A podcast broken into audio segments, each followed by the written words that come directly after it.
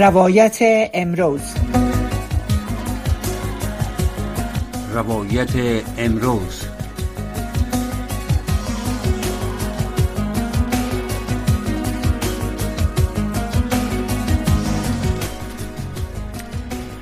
بینندگان و شنوندگان محترم سلام.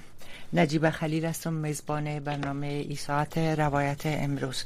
امید است که روزها و شبها و لحظات خوبی را پشت سر گذاشته باشین. گرچه طبق معمول روزهای سهشنبه ما این بخش برنامه را برنامه روایت امروز روی موضوع مربوط به زنها و دخترها تحت حکم روی طالبا. اختصاص میدیم صحبت می‌کنیم.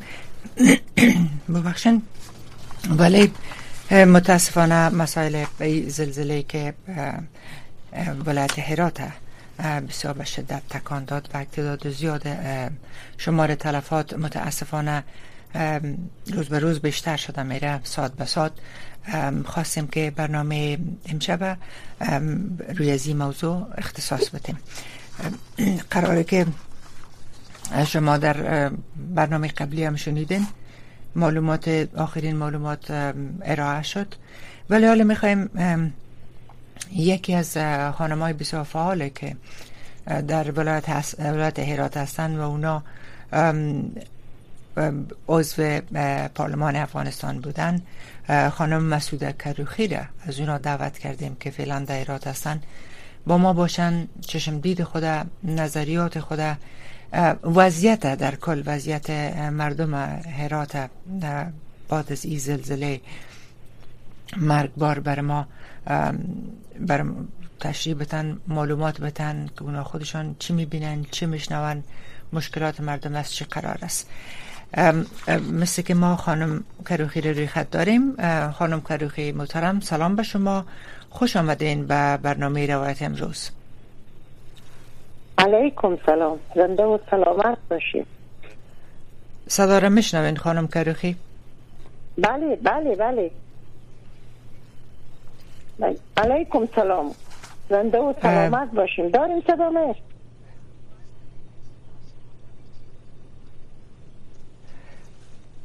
بله.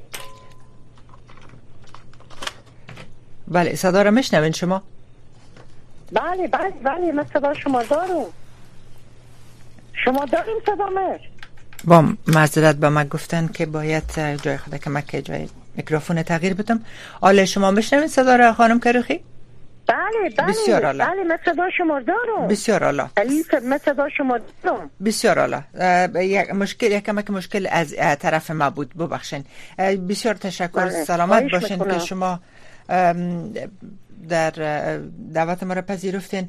می‌خوایم از شما بشنویم. اول که شما در خود مرکز هستین. از وضعیت فعلا در هرات چی, چی مگذره شما که در اوجه می‌بینین از نزدیک میشنوین و به تماس هستین. متاسفانه وضعیت وضعیت خوبی نیست ما چون در ولایت هرات مردم تجربه زلزله اصلا ندارم. هیچ وقت در ولایت هرات کدام حادثه زلزله به وقوع نپیوسته بوده. یعنی حوالی ساعت یازده ما به خونه ها بودیم مثل از یک انفجار بشه. اول مثل صدا صدا انفجار بود بعد زمین لرزید. همه سراسیمه از خونه ها بیرون شدیم. در طی چند دقیقه سه تا همین پس تقریبا اول که خود زلزله بود بعد از اون پس لرزه های خیلی مردم عراسان شده بودم و هر کدام هم از خانه بیرون شدم.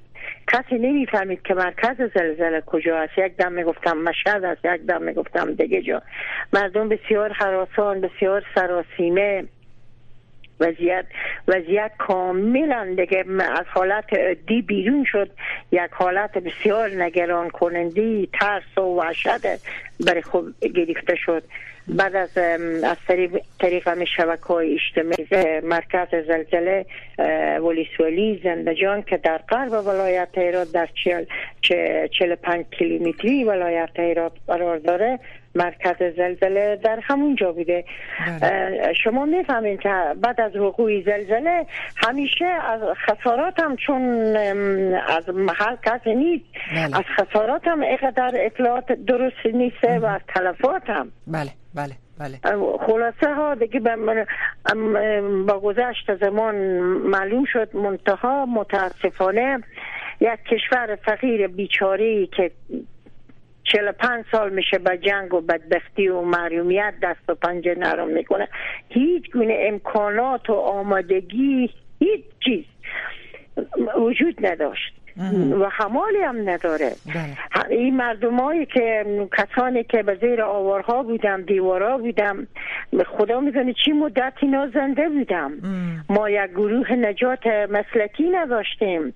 متاسفانه نمی‌فهمیم. گرچه غرب هرات اولین همسایه که برای ما نزدیک جمهوری اسلامی ایران به طرف شمال مام ترکمنستانه بله. ما نمی‌فهمیم که چیکار شد. یعنی به وقتی که باید به نجات می رسیدم که نجات می‌دادم کسانی که به زیر آوارا بود ما نداشتیم ما نه افراد متخصص داشتیم نه مسلکی داشتیم تا که این خبر رسید به ولیسوالیا و مردم ولیسوالیا با بیل و کلنگ. خب بیچارا تا از راه های دور آمدم. خلاصا امروز روز سومه که میگذره. بیشتر مناطقی هست که کاملا همه قریه نیست و نبود شده. نیست و نبود شده. خانه خود شما می‌فهمیم حتی مردم توانمندی از این ندارم که بیچارا با خشت خامم برای خونه بسازم همه با گل. همه با گل. بله. همه فروری یعنی یک دو قریه به حد خسارات زیاده که حتی از یک قریه میگم هم یک نفر زنده مونده. دیگه دیگه متبقی همه همه وزیر می می آوارایی که شده و تعمیرایی که ویرونه شده همه وزیر از اونا شدم. تعداد تونیستم جسدهای اینا بیرون کنم که جنازه دست جمعی بر اینا خوندم شفاخانه ما داریم و نداریم. به ولایت هرات یک شفاخانه حوزه‌ای 600 بستر داریم که همو هسته. باز به روز دوم بعد شفاخانه خصوصی هم اعلان آمادگی و همکاری کردم و خوشبختانه همو حس نو دوستی و وطن دوستی همین مردم که بمود اندازه تمانی که دارم. با وجودی که همه مردم اکثریت اینا در فقر و تندستی و بیچارگی به سر می‌برن. بازم از هر گوشه از هر ولیسولی از, از, از حتی از ولایت بادقس که که, که, که فقیرترین ولایت است. از ولایت فرا اینا کمک های مردمی سرازیر شد از هر طرف و مردم آمدم از, از ولیسوالیا که بتونم که چی داشتم؟ یگانه چیزی که داشتم یک بل داشتم نهایت یک کلنگ داشتم. بیشتر از این نداشتم. و بازم نتونستم. به کمال تاسف. و یک مشکل دیگه که بود همون ساعت یازده حوالی ساعت یازده کمی زلزله ایراد به وقوع پیوست. همون لحظه فکر کنم که این مسئله فلسطین و اسرائیل شد. بله، حمله بله. حماس به اسرائیل شد. یک دفعه در عین وقت جهان همه متوجه از این شدم. این مسئله قمنگیز و بله. خونین ولایت هرات تقریبا تحت شعای از او قرار گرفت. یعنی کمتر کسی به کمک ما آمد. به نجات مردمانی که خدا می‌دونه تا چی وقت زنده بودم.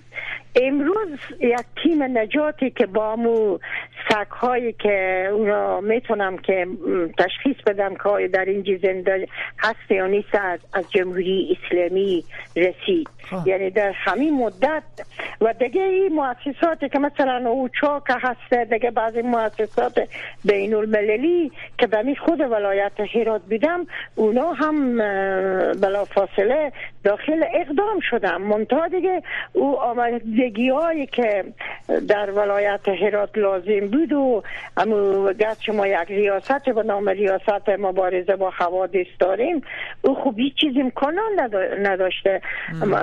یگانه کاری که کرد وزارت داخله و دفاع هلیکوپترهای آمدن برای انتقال زخمی ها به شفاخونه و انتقال بعضی اجساد آوردم.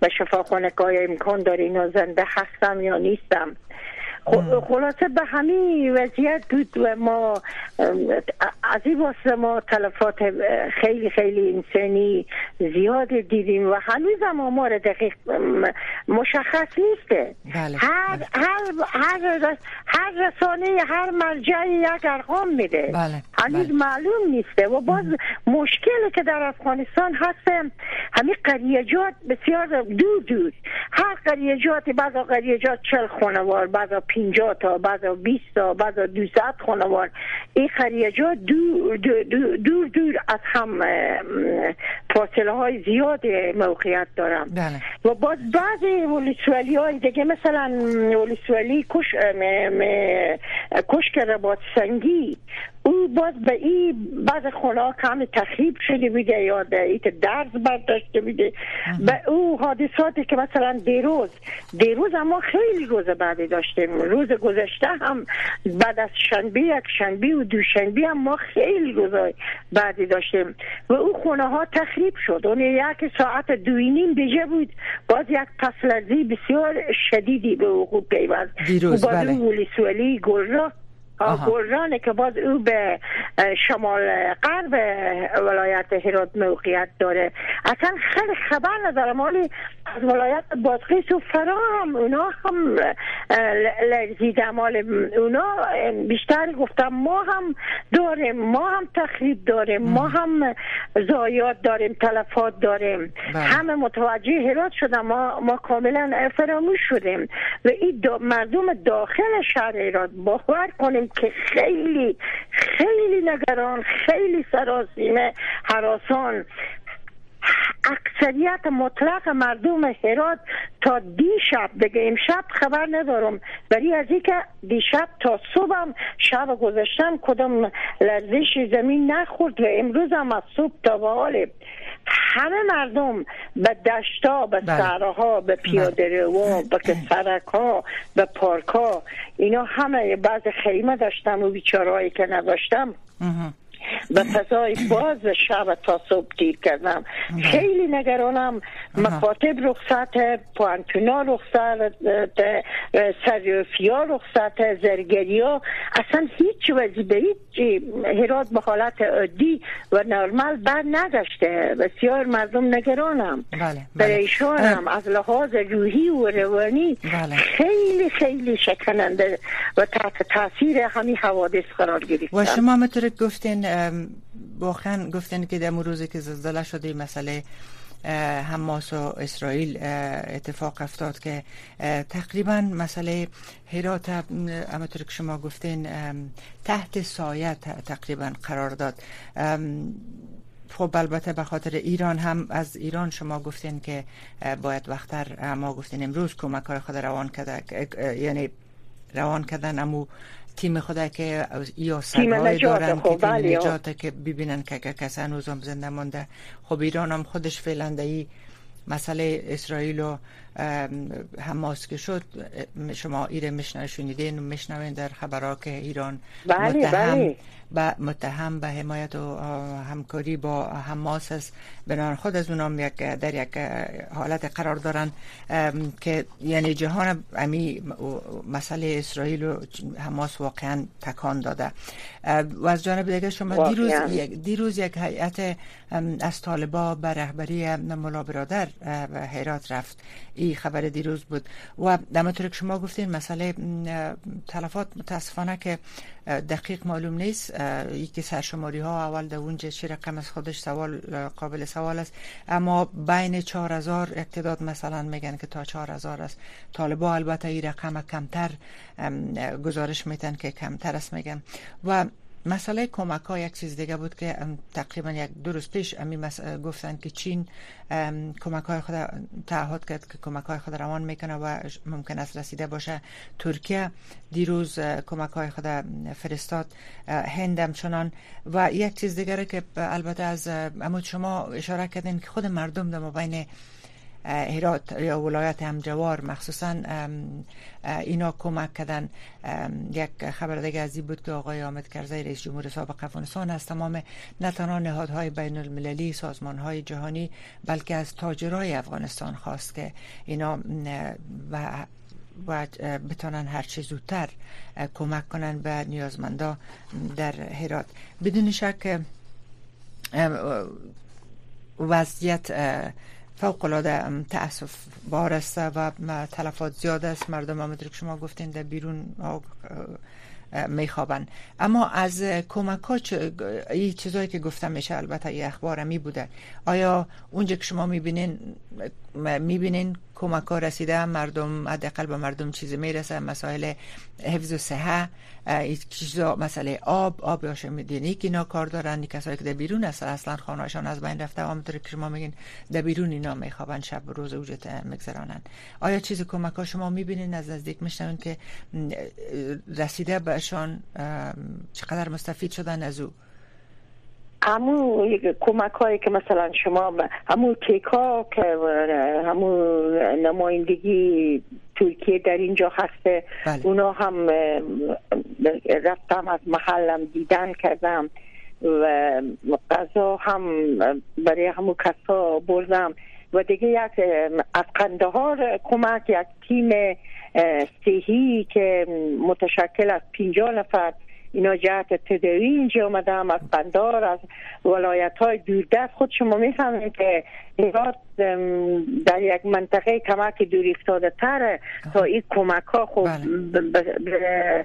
هوایی خونه میشه که بیشتر زمینی حالا ما شنیدیم که امروز تیاره کمک های چین به میدان هوایی کابل نشست کرده خب. این که تا چی وقت اینجی برسه و این ما وضعیتی که فعلا در, در افغانستان و در هرات حاکم است ما زنایی که نقش فعالی نداریم در همچون حوادث متاسفانه متاسفانه که ما بتیم بریم من نزدیک ساحر ببینیم و یک نقش فعال متعدد داشته باشیم که بتونیم خصوصا برای زنا ما بیشتر کمک کنیم. وضعیت اینترنیست کمی. وضعیت وضعیت فرق می‌کنه نسبت به گذشته. ما زنان تقریبا حال یک یک نیروی آتل باطل یک گروه آتل باطل هستیم. یک تعداد که رفتم به شفاخونه که از زنا بازدید کنم با ممانعت مواجه شدم. خلاصه ما زنا دست بازی نداریم. بله. که من به شما گزارش بدم که مستقیم من رفتم به منطقه و دیدم به چشم سخت ندیدم صادقانه بگم. خیلی ما زنا ولی در یک, یک موقعیت منفعلی داریم که نقش باید نقش بسیار تاثیرگذاری می بله. و بله. بیشترین تلفات امروز به کمال تاسف خود شما می‌فهمیم روز بود روز من مرد یا برای کار و زراعت و این مسائل بیرون میشم بله بله بله. اکثریت زنا اطفال بیدم که, که بله, بله. قربانی از این حادثه شدم. و چیزایی هم که ما بعضی مسائل موضوعات از رسانه ها میشنیم بعضی چیزا هم گرچیم یک زنای فعال تلاش می‌کنم کوشش می‌کنم بخش های سایت های شبکه ها ایجاد کردم به کمک رسانی. منتها نقش فعالی نداریم چون ما رفتار یعنی به رسمیت به حکومت فیلی ما زنان نمی‌شناسه. بله. بازم به مو چیزی که در توان هست زنا تلاش و کوشش خور می‌کنم. زنای هستم که حتی حاضر شدم که طلای داشتم فروختم. لباس هر چیزی که در توان اینا باشه کمک خور می‌کنم. منتها نه دیگه اون طوری که باید نقش فعال و سازنده میرشتم و به کمک خواهران خوب و مجروحین به زخمیان می‌رسیدم و, و, و التیام بخش دردا اینا میبیدم آنتر نیست. حالا باور کنیم که انی سه سال دو سال که ما فارق دکتر زن ندادیم بله. و می وقتی که بیشتر زخمی ها زن بودم تفلا بودم حتی کمک خواستم از از از از, از امو شاگردای سنف پنج و شیش تا گذشته از اینا کمک خواستم که به شفاخانه بیان تدری کنم. ما امروز یک کمبود بسیار مشهودی هست که امروز سه ساله که جامعه افغانستان دکتر زن بله. مسئول جامعه نداده. اما خدا کنه که این سیاسیون و حاکمان امروزی این مسئله درک کرده باشن که به همچون یک حادثه غمانگیز و دردناک بله. امروز واقعا زنها باید زنها و دکترای بیشتری نرسای بیشتری اینا کمر بسته می‌کردم نهادهای مدنی زنها اینا بیشتر می‌تونن با زنها هم زبون باشم او, بله. او مسئله و دردی که یک زن به زن گفته می‌تونه به مرد گفته نمی‌تونه بله. یعنی این کم بودا متاسفانه هست دیگه در افغانستان و در امی حادثه علمناک هرات کاملا خود نمایان کرد و کمبودی احساس می‌شد و بازم کار کرده ما نمی‌تونیم دیگه. امو زن بیچاره و امو چیزی که در توان زنای ولایت هرات هسته از دست نامی های دریق نمی کنم از این آسیب دیده ها و قربانی ها دیگه نمی‌فهمیم که دیگه باز عاقبت چیکار خواهد شد. امروز شما شنیدین که خانم روزا اوتان بایوف نماینده خاص ملل متحد بر افغانستان هم وارد افغانستان وارد هرات شد. گفته بله خبر بله تازه ترین خبر بله امیدوار هستم که و شما اشاره کردین گفتین که از معسلین سنف چهار و پنج که دیگه بعد از حال فعلا توقف شده از دخترها خانم ها از یا خواستن که بیان بشه بله بله خب. بله این از قول یک نرسی میگم که گفت ما از اونا کمک خواستیم که بله، بیایم همکاری کنم. آها. آها. خب ببینین چقدر چقدر مهم است. موجودیت زن. همونطور که شما گفتین دقیقا در طول روز مردا اکثرا بیرون می باشن در کار یا مصروفیت یا سرزمین. اکثرا خانم ها امرای اولادا خانه بودن. وقتی زلزله شده و اکثریت تلفات از اموناس و اکثریت کسایی هم که زخمی شدن در شفاخانه ها خانم ها هستن زن هستن. این اگر دکتر زن نیست و نرس زن نباشه اینا به یا کی کمک می‌کنه؟ آیا نرس ها و دکترهای مرد؟ هستن اونجا کمک می‌کنن؟ یا که بودن دکتر زن ضروری است که برای اینا آماتور که شما گفتین. بعضی بله بله. تکالیف داره که یک زن نمی‌تونه که برای یک مرد دکتر مرد بگویه یا نرس مرد بگویه. اما برای زن به بسیار دکتر زن به بسیار خوبی می‌تونه که مشکلات بله. بگویه. متاسفانه چه شرایط فعلا همطور هست. امیدوار هستیم که حداقل این مسائل در, در بدترین حالت است بسیار جای تاسف است. ولی امی حادثه اتفاق افتاده. امی مصیبت بسیار بزرگ آمده فعلا سر مردم ولایت هرات و دو سه ولایت همجوارش. حداقل امی باعث شده که طالبات درک کنن موجودی شما اشاره کردن موجودیت خانم ها را در مثل که لاین میمان ما قطع شد دوباره کوشش می‌کنیم مرور رای خط بگیریم. ولی حداقل امی آدم بهترین مثال آدم نمی‌خوایم دمی حالت هم بگویم ولی حداقل امی یک دلیل یک مثالش می‌تونه باشه یعنی یک دلیل یکی از دلایل عمده می‌تونه باشه در قسمت درس و تحصیل زنا در قسمت از که ما دکترای زن داشته باشیم نرس های زن داشته باشیم قابله ها داشته باشیم اینا کار کار کنن. حال در حیرات هم که از خانم کروخی شنیدین که اون کسایی که فقط تا سنف چهار و پنج اصل بودن که بعد از یعنی تا دو سال پیش که از حال طالبان متوقف ساختن اونا دیگه نتانستن که شش و هفت سال شش و هفتم خدا برن پوره کنن دکتر شون. ولی حداقل در پنج سال اول آنچه که درس خواندن آنچه که معلومات دارن یعنی آمدن از اونا دعوت کردن که خواستن که بیان شفاخانه ها و دست کمک بتن خانم کروخی محترم ببخشن لاینتان برای یک لحظه قطع شد. دوباره روی خط آمدین خوش آمدین. ولی امیره می‌خواستم بگویم که یعنی یکی از دلایل است که طالبا باید یک غور مجدد کنن سر تصمیم خود که ببینن که مثلا در این حالت که اتر و صورت عاجل به موجودیت دکترهای زن و نرسای زن ضرورت است یا عاجل به اینا ضرورت نیاز موجود است باید که امو در تحصیل و تعلیم برای اونا باز کنن. حتی کسایی که حالا میگن دمو شفاخانه رفته معسلین صنف پنج چار و پنج است یا چی که دو سال دیگه شان یعنی مانده بود که اینا خلاص شو کنن و تکمیل کنن بیان دکتر شون بیان خدمت کنن برای هموطنهای خود.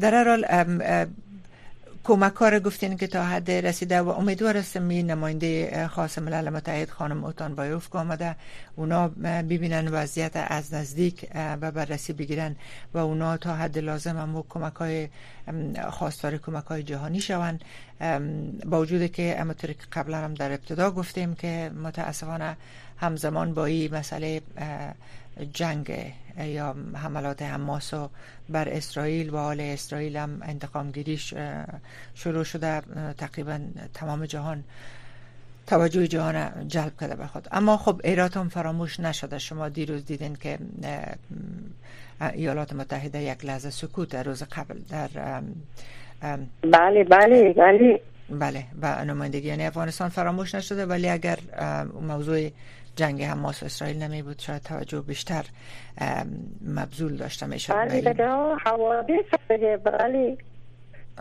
بله. حوادث چنین اتفاق استاد دیگه. بدبختی و بدچنسی کاماد آها. دو حادث بسیار مهم بشری. بله. در این جمع تلفات در این جمع تلفات. در عین وقت همزمان اتفاق استاد واقعا نه جان طوری که باید می‌رسید به اینجا به, حادثه خونین هرات کمتر توجه شد. حالا بیشتر یک وقت برنامه تقریبا به پایان رسیده. بیشتر یک مسئله که میگن مسئله حالی که مردم در بیرون مانده. خیمه ها خیمه هایی که دقل برشان زده شود که زیر تحت زیر خیمه باشن از این چیزا هست جمع کمک ها شروع کردن که خب، امروز بعضی بعضی خیمه ها بله از طرف یونیسیار خیمه ها داده شده. بعضی مناطق کم کم دیگه شروع میشه تا مناطق دور دستتر اول اون مناطقی که به داخل نزدیک شهر بله. اونا توجهی بیشتره تا باز تا به ترتیب تا برای از اونایی که باز قریجاتی که دورتره و بین قوا هسته بله. تا به اونا هم رسیدگی بیشتری صورت بگیره و مسائل دیگه مسائل ضروری از قبیل خوراک و آب آب آشامیدنی پاک و همچنان مسائل صحی این چیزا خب برای فعلا برای فعلا بله آب و غذا و این چیزا به خوبی می‌رسه. اما دیگه این که چگونه مدیریت میشه کمک ها این یک بحث که چگونه مهم مدیریت کمک ها هسته. بله. که حیف میل نشه. خود شما می‌فهمیم که در همچو مواقع اگه انسان های هستن که بله. همین حس نو دوستی نا کمتر است استفاده جوا می‌کنم از این مسائل و موضوعات. نشه که خدا اینا خواسته او کسایی که مستحق کمک هستن برای از اینا نرسه. یک افراد دیگی که خود به دروغ جا بزنم چون در اینجی تشخیص بسیار مشکل است بله بله. چی می‌فهمه که کی واقعا اینا از محل و منطقه آمدن یا اینی که از این بله. قربانی های همین حادثه هستم. شناخت اینجی بسیار مشکله. امیدوارستم در چه در چونین نشه. امیدوارستم در چونین وضعیت بسیار ناگوار و ناهنجار وجدان ها بیدار باشه و همی سوی استفاده ها صورت نگیره خانم کروخی محترم جهان سپاس از وقتتان که در اختیار برنامه گذاشتین. قربان شما. لطف شما زنده باشیم مهربانی کردین. تشکر. وقت برنامه به پایان رسید. شب روزتان خدا نگهدارتان. برنامه روایت امروز در اینجا به تا برنامه بعدی بازم در تا چند لحظه دیگه با در برنامه پاسخ که شما با شما خواهد بودیم.